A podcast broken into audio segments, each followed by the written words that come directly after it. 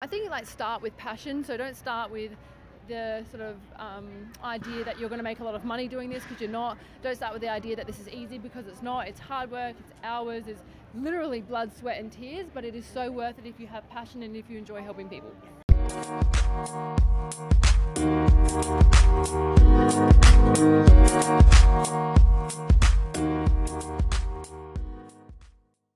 There, listener, and welcome to another episode of Just a Moment with Janelsa.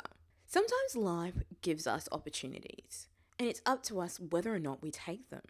Because sometimes we're not prepared to take them yet, but they only come around once.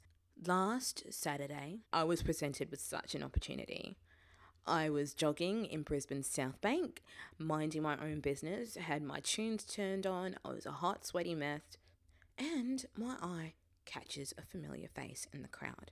I usually see this face on Instagram. I see this face on YouTube. I see this face on covers of books.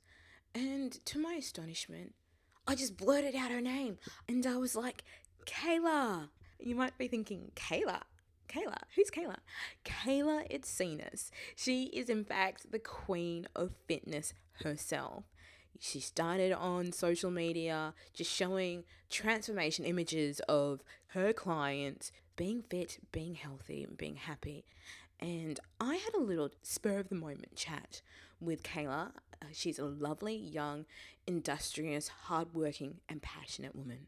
And it was super encouraging to meet her, especially as I commence my fitness journey once again. Let's just be honest, once again. And so, uh, without further ado, ladies and gentlemen, I present to you Kayla Itsines.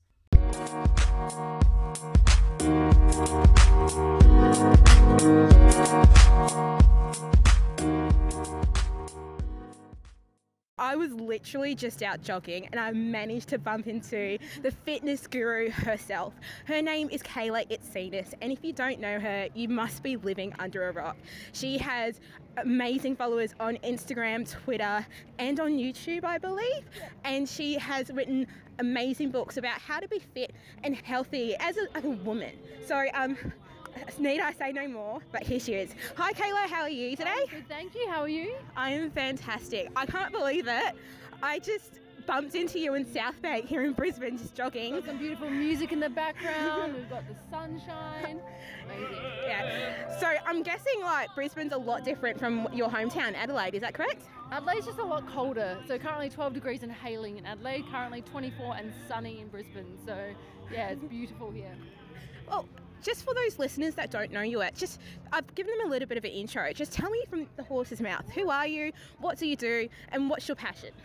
Uh, so Kayla Itsines, I'm from Adelaide, South Australia, personal trainer that started up uh, some programs online for women called BBG, which was some ebooks online, just because people wanted to train like my clients train because I was uploading transformations on Instagram. From there, it grew. People started standing, started handing in their transformation photos to us left, right, and centre. We started up the Sweat app, which has been absolutely incredible. So more trainers within there. So now we've got you know yoga, we've got post pregnancy, high intensity training, basically everything a woman needs in health and fitness. So we started from nothing, and now we're here. All right. So how important it is, is it for like women to be fit and healthy in this day and age? Oh, it's so important. I think like we as um, personal trainers and I think there's like a lot of influencers online sort of made it cool to be fit um, and I hope that trend stays. Um, it's really important obviously for your lifestyle, for your body, for how you feel, for your confidence levels. So yeah, overall I'd say yeah, very important. So how did you get started on this fitness journey? Was there a particular moment in your life you're like, I think I need to share what I'm doing with everyone else? Um, not necessarily. I just loved sport growing up. I loved, I, I wanted to be a personal trainer. I, honestly, that's what I wanted to be. I wanted to be a coach.